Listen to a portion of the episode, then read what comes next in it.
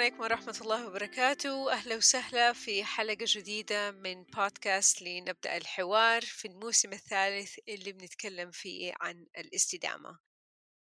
اليوم ضيفتي رنا الغامدي. رنا حاصل على درجة الماجستير في تخصص الصحة العامة والتغذية الإكلينيكية وحاليا بتشتغل كمنسقة لبرامج التوعية البيئية في إحدى الشركات. وحنتكلم مع رنا عن كيف هي بتعرف الاستدامة وأهمية التوعية بالاستدامة البيئية خاصة مع الصغار. رنا أهلا وسهلا. أهلا منال شكرا على هذه الفرصة. يعني أنا شاكرة لك كثير الدعوة وأكيد الموضوع يعني والحديث معك أصلا شيق في لقاء أو في غيره. الله يسعدك. رنا نبدأ بالسؤال الأولاني. كيف رنا بتعرف الاستدامة؟ خلينا نتكلم في الاستدامة بشكل عام وبعدين نتكلم عن الاستدامة البيئية خاصة. يعني أنا تعريفي للاستدامة أو فكرتي بشكل عام أول ما تيجي كلمة الاستدامة يجي على بالي كلمة البقاء البقاء أو الاستمرارية وهي عكس كلمة الفناء أو انتهاء الشيء. فاستدامة يعني قدرة أي شيء على البقاء لفترة أطول. وقدرته على التجديد وبقائه لفترات أطول. فهذه بكل بساطة لما كلمة الاستدامة تيجي على البال. آه حلو. الشيء الحقيقة أنا بيسعدني وبعدين يعني يحمس شوي إنه كل ضيف في الموسم هذا عنده تعريف ولا وجهة عن الاستدامة بطريقة مختلفة. هي كلها نفس الموضوع بس كل واحد بيفسرها ولا بيشوفها بطريقة مختلفة فحبيت البقاء والاستمرارية. طيب رنا إذا نبغى نتكلم عن الاستدامة البيئية خاصة إيش تعني لك؟ الاستدامة البيئية يعني موضوع أكيد جدا كبير. ومثل ما قلت يعني بالنسبة للبيئة في مجملها هناك ثلاث نقدر نقول ركائز ترتكز عليها الاستدامة البيئية. هو المحافظة على الثروات الموجودة التنمية الاجتماعية وهذه جدا مهمة لي يكون عندنا محافظة على البيئة وأيضا نمو وتطور في اقتصادي يساعدنا أيضا في المحافظة على البيئة. الاستدامة البيئية محافظة على الموارد الطبيعية. طبعا التحديات اللي موجودة أنه الإنسان كعدد سكاني قاعد يزيد في العالم بشكل طرد وكل ما زاد أعداد بشر والسكان على كوكب الأرض أكيد هناك زيادة في استخدام الموارد. المشكلة أنه استخدام الإنسان لكثير من الموارد البيئية أحيانا بيكون في هدم وما في إعادة لبعض هذه الموارد اللي, اللي يستخدمها. وكل ما زاد استخدام الإنسان وعدم إيجاده لبدائل أخرى ممكن يأثر على كثير من الموارد ويمكن كمان فناء كثير منها. الفكرة في الاستدامة البيئية هي أن إحنا بشكل عام كيف ممكن نلبي الاحتياجات نقول الأساسية وليس ما هو فائض عن ما يحتاجه الإنسان تلبية الاحتياجات. وفي نفس الوقت كيف أنه هذه الموارد نظل ننميها بحيث أنه لا نخسرها. بكل بساطة أمثلة قطع الأشجار واستخدامها مثلا في الصناعات أو في صناعات الورق وكذا. يعني مقابل كمية بسيطة من الورق ما يتخيل الإنسان إيش قد أعداد من مثلا الأشجار بتقطع. وشجرة واحدة قد تكون يعني منزل للعديد من الكائنات الموجودة في البيئة. فكيف أنا ممكن هي زي ما نقول قاعدة أساسية يعني إما الإنسان يقلل من الاستخدام أو يعيد استخدام الشيء لأكثر من مرة أو إذا لم يعد يستخدم أي مورد فإنه يحاول إنه هو يستخدم التدوير بحيث إنه يتخلص منه بطريقة طبيعية. فهذه هي التحديات. غالبا ناس كثير أول ما بتسمع كلمة استدامة على طول بيجي في بالها إعادة التدوير أو الريسايكلينج لما أنت ذكرتيها وأنا كمان أعرفه أنه أول شيء ما هو أول شيء إعادة التدوير؟ هو يعني قد يعتبر يمكن آخر حل ولا الحل قبل الأخير مو أول شيء. أول شيء أنه نقلل الاستخدام وبعدين نعيده. الناس بيروحوا لل... لآخر حل يعني. إيش تقصد بالضبط ب يعني إنه نقلل استخدام الشيء؟ يعني بكل بساطة إنه آه، يكون الإنسان في طريقة استخدامه للموارد ولموارد كثيرة في حدود احتياجه. يعني أحس هذه بكل بساطة.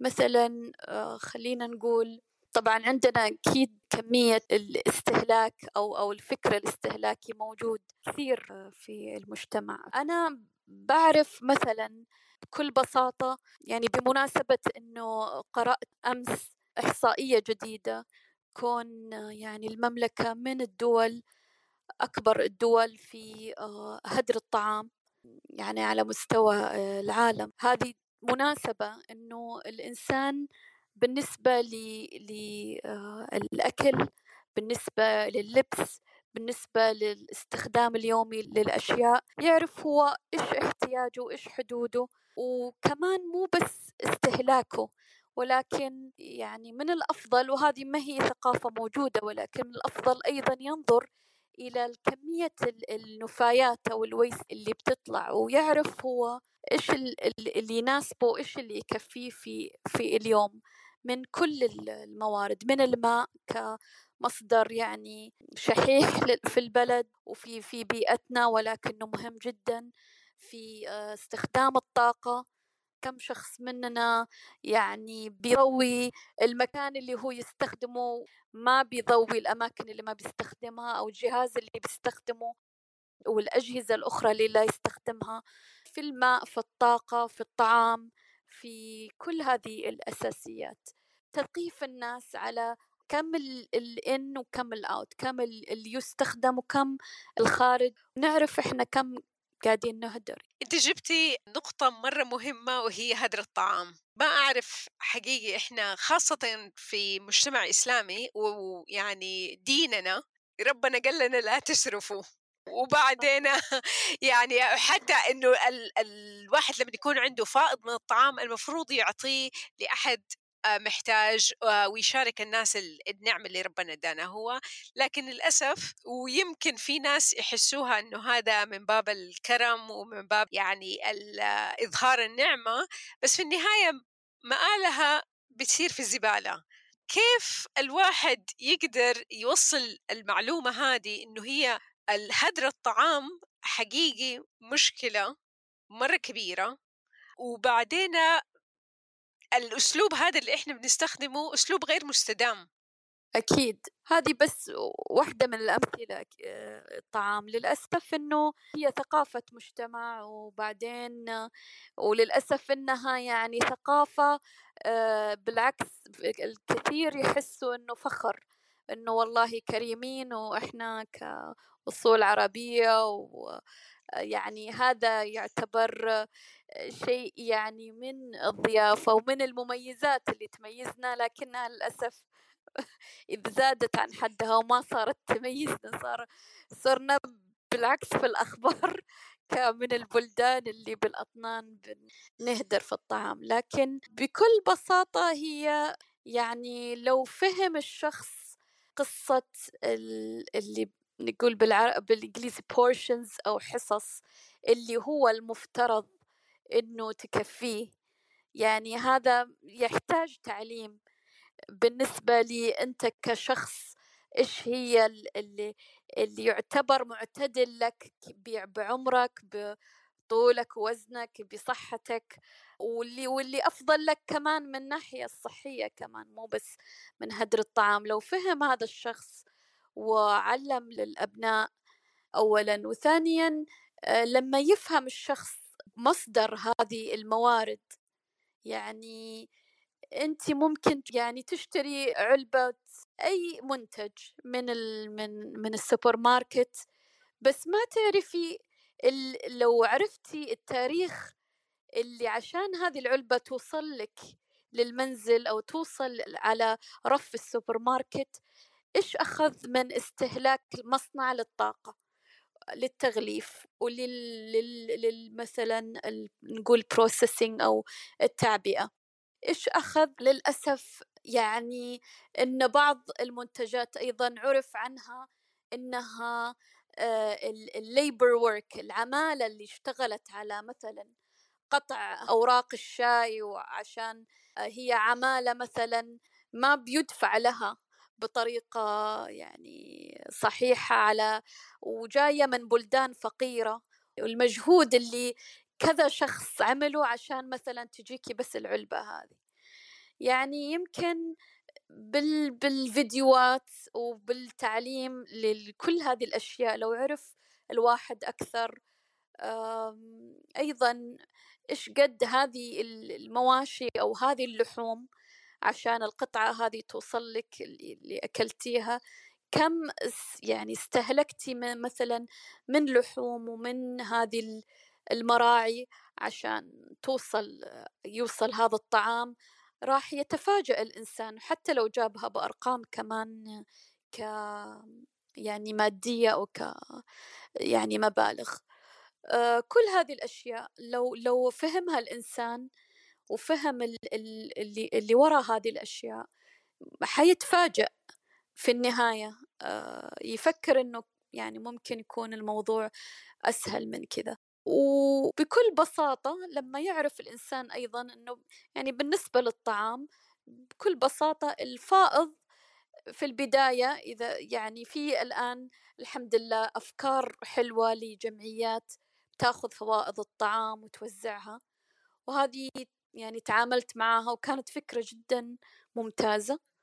وتشجعوا الناس كثير صاروا يعملوها في الولائم وكذا إنه فائض الطعام بينعطى آه، هو نظيف لناس آخرين. وبعد كذا تسريوز أو إعادة استخدام. وبعد كذا آخر شيء آه، فوائض النهائية للطعام. ممكن في أجهزة حتى نشتريها للمنزل تحوله إلى سماد. وإذا حولته لسماد نستفيد منه مرة ثانية للنباتات وهكذا.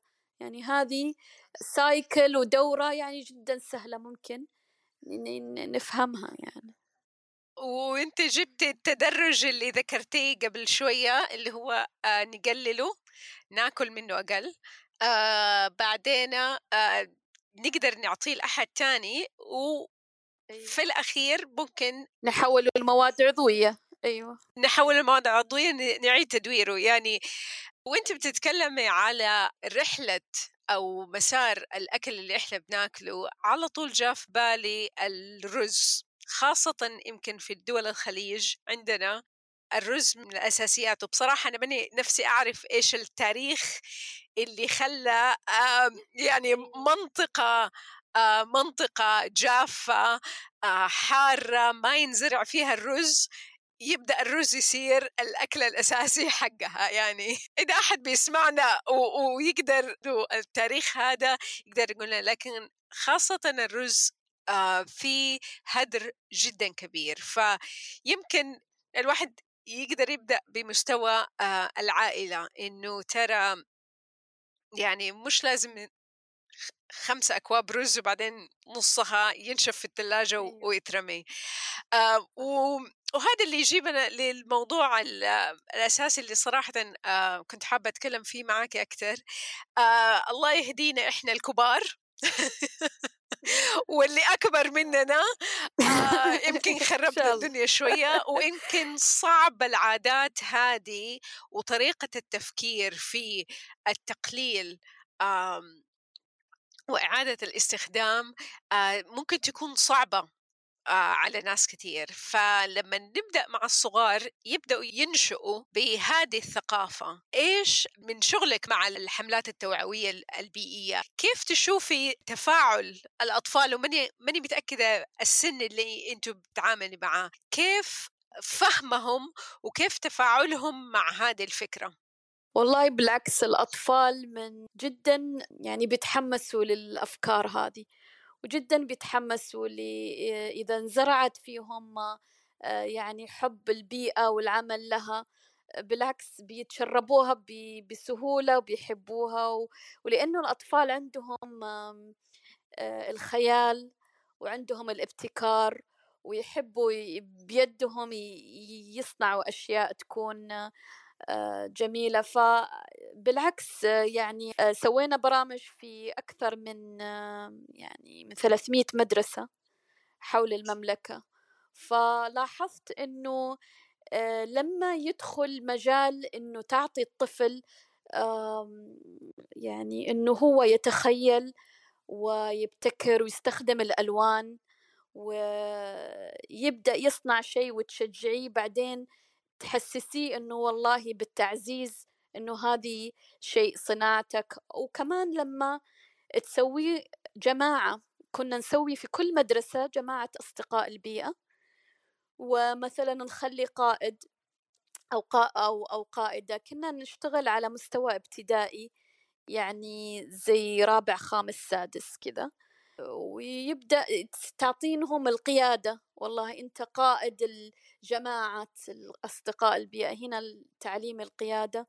ويلا خلينا نروح ننقذ البيئة ونبدأ إن نصلح و فمن الأشياء الجميلة اللي تحمسوا لها الزراعة يعني تخيلي مدرسة تدخلي أرض خالية أو يعني الساحة مش جذابة بعدين يلا نبدأ نزرع وكل شخص يشوف زرعته يعني هذه زرعة فلانة وهي بتكبر وبتسقيها وتعتني فيها وممكن تسميها كمان تعطيها اسم وبعدين تبدأ المزرعة تكبر ويتابعوها ويحسوا بالإنجاز إحساس الإنجاز والقيادة. آه، من الأشياء الحلوة اللي سووها مثلا أخذوا اللي هي الكفرات السيارات لونوها بعدين عملوها زي زرعوا فيها داخلها. يعني صارت زي كأنها حوض للزراعة ولونوها بألوان مشرقة وحط يعني وزعوها في المدرسة صارت يعني آه كمان الرحلات طبعا أطفال يموتوا في الرحلات يحبوا الاستطلاع وكل ما طلعتيهم للبيئة الخارجية يتحمسوا يبدأ خيالهم يشتغل. يعني دخلنا غابات للتنظيف طلعنا للبحار للتنظيف. حسوا إنه هم أنا مهم أنا آه، شخص فعال أنا عملت إنجاز. بس إنجاز مو بس أنا يعني كلنا إحنا الجماعة المجموعة كأن آه، يعني انتصرنا على شيء أو حققنا شيء مع بعض. خاصة لما تلبسيهم مثلا زي فريق واحد و ويتصوروا ويحسوا ب... فمع التشجيع فعلا بيحسوا إني أنا إنسان بحقق شيء مختلف. من الأشياء الحلوة كمان إنهم القصص بيعشقوا الحيوانات يبدأ حب حب واحترام ورفق بالحيوان فعلا يبدأ من الصغر. الطفل بصراحة اللي عنده شوية عنف دائما أنا أقول ضد الكائنات الحية. يعني أنا دائما أقول إنه هذا الطفل لابد إنه يلتفت له. يعني مش شيء مش مؤشر جيد أبدا كسلوك.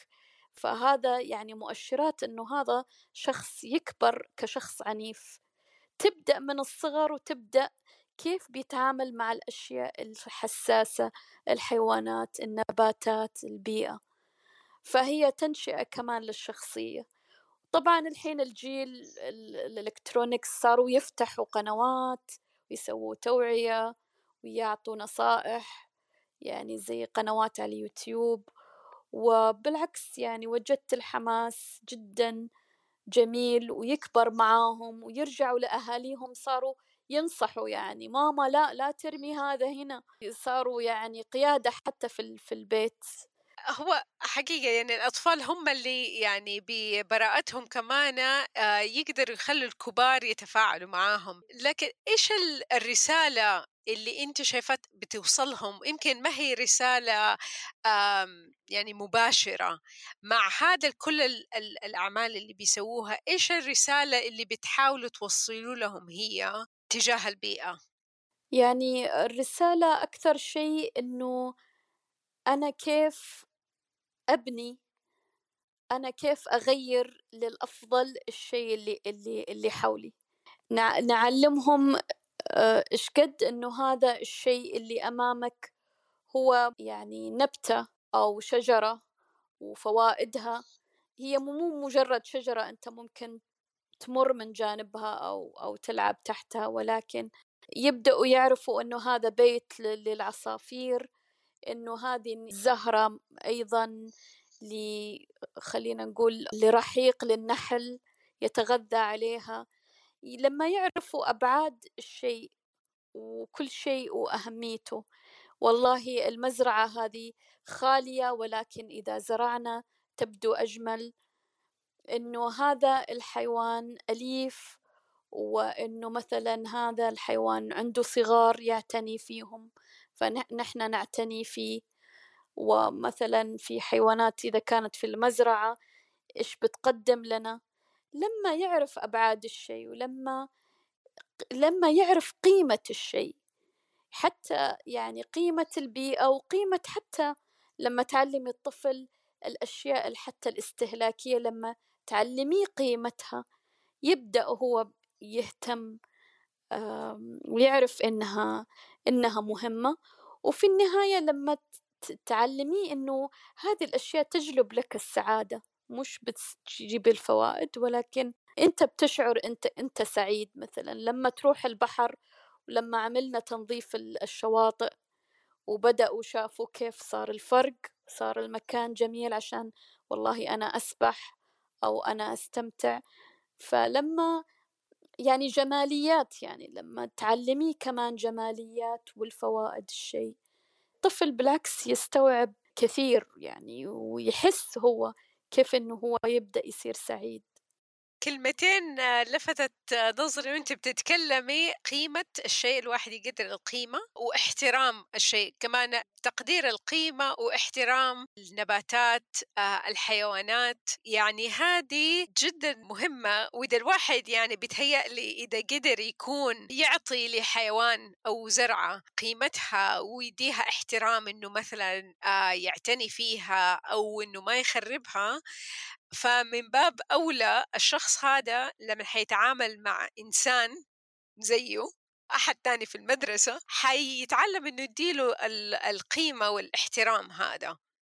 صحيح. أيوة يعني أكيد هي قيم يعني قيم وسلوكيات تنبني في شخصية هذا الطفل يعني. وتلاقين الفرق أكيد بكل بساطة بين طفل تربى في مثلا جو أكبر من مزارع مثلا أو في مكان مفتوح حتلاقي سلوكياته كثير مختلفة عن طفل آه، تربى في مدينة فقط وما كان له الفرصة إنه يتفاعل مع بيئة مفتوحة. حقيقة إحنا آه، العيشة في المدن وفي الأماكن الصغيرة خلتنا آه، ننسى إنه إحنا جزء من المنظومة البيئية هذه اللي تجمعنا فيها النباتات والحيوانات والهواء والأرض وكل هذه الأشياء.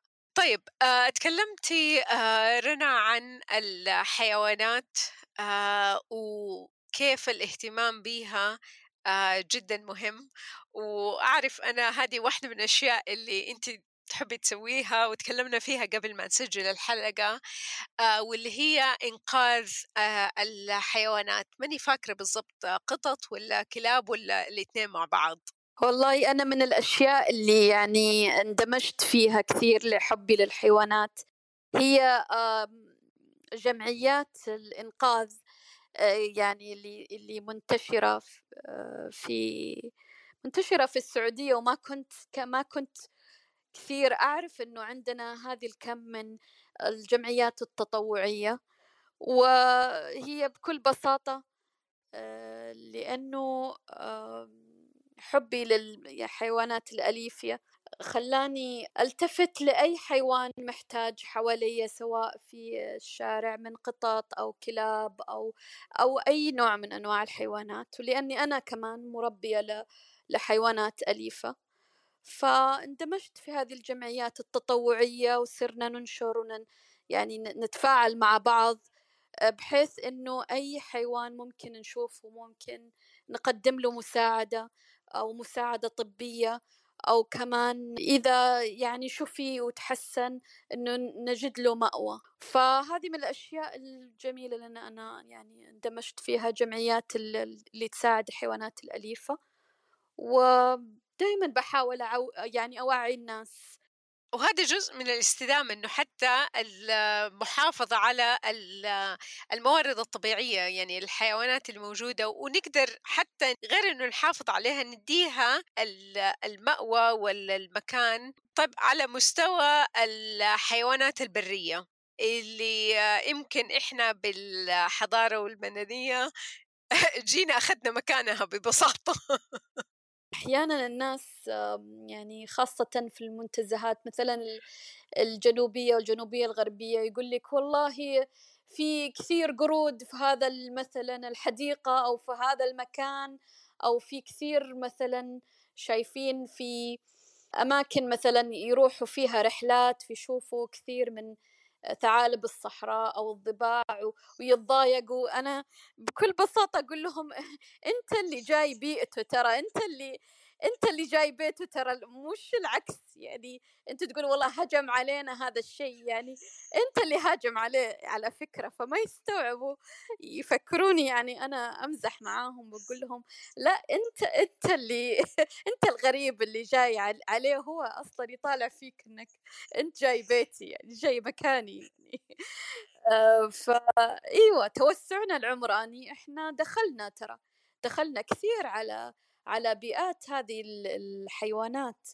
آه، وبكل بساطة إنه الحيوانات هي سبحان الله هي في دورة يعني دورة آه، الله خلقها متوازنة متوازنة جدا يعني. آه، أي خلل في هذه الحلقة أو أو يعني تسقط حلقة واحدة من هذه خلينا نقول السلسلة يختل يختل توازن البيئي. عشان كذا أحيانا يقولوا والله حتى إلى مستوى الحشرات ينتبه الإنسان أنه فجأة البيئة صارت في كثير حشرات أو في كثير نوع معين من الحيوانات انتشر في مكان ما.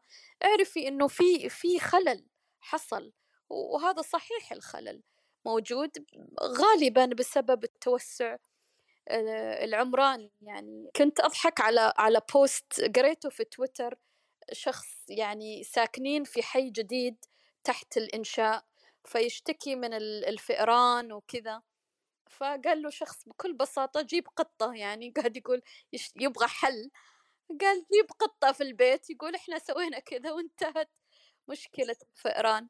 للناس اللي يقولوا طيب إيش فائدة القطة؟ طيب إحنا ليش يعني سبحان الله ما خلق أي شيء عبث أبدا هو توازن ب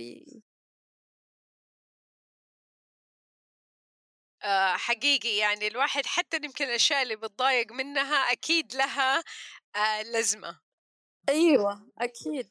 واحدة من الأشياء أنا بصراحة مرة انبسطت لما قلتي لي هي وهي إنه خاصة الحيوانات البرية إنه في صارت في قوانين بتحكم خاصة الصيد وال يعني هذه اللي هي يعني إحنا بنلعب. الناس بتنبسط وبتروح تقتل حيوانات ممكن إنها أيوة. تكون شارفت على الانقراض. فصار في قوانين للمحافظة على هذه الحيوانات. صحيح. أنا للأسف يعني ما زال في ثقافة الصيد موجودة وهي ثقافة يعني مثل هدر الطعام والأشياء هذه هي ثقافة للأسف آه، ما هي مش الصيد اللي هو للحاجة ولكن للصيد كنوع من أنواع الهوايات نوع من أنواع يعني ترفيه. شايفينها نوع من الترفيه إيوه وال يعني فرد القوة والأشياء هذه.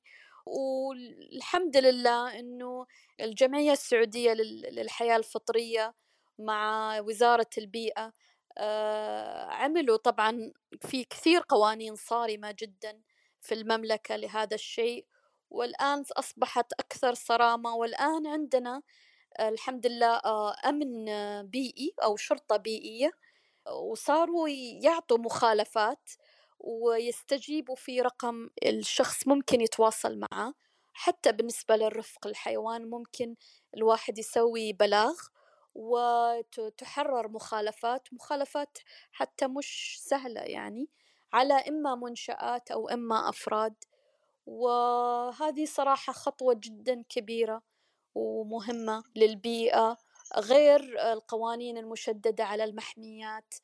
اللي اللي صار عندنا يعني تقريبا فوق الخمسة وسبعين الحمد لله محمية آه عليها قوانين وفيها يعني فيها عناية بكثير من الحيوانات اللي انقرضت وتقريبا مهددة بالانقراض في شبه الجزيرة العربية هذه يعني إن شاء الله نحط الأرقام في في وصف الحلقة عشان تقدروا ترجعوا لها ماني حافظته الرقم بس هو الرفقة بالحيوانات. حتى لو الواحد لقي إنه في أحد بيعذب حيوان أو واحد ممكن يكلم ويبلغ عنه. رنا الله يعطيك العافية. مرة الحوار يعني تطرقنا نقاط جدا مهمة في المجتمع عندنا من ناحية الاستدامة البيئية ونتمنى اللي بيسمعونا يبدأوا يعلموا عيالهم وهم يتعلموا يكونوا أول شيء إحنا المفروض ككبار آه، نكون قدوة آه، للأولاد وللجيل الصغير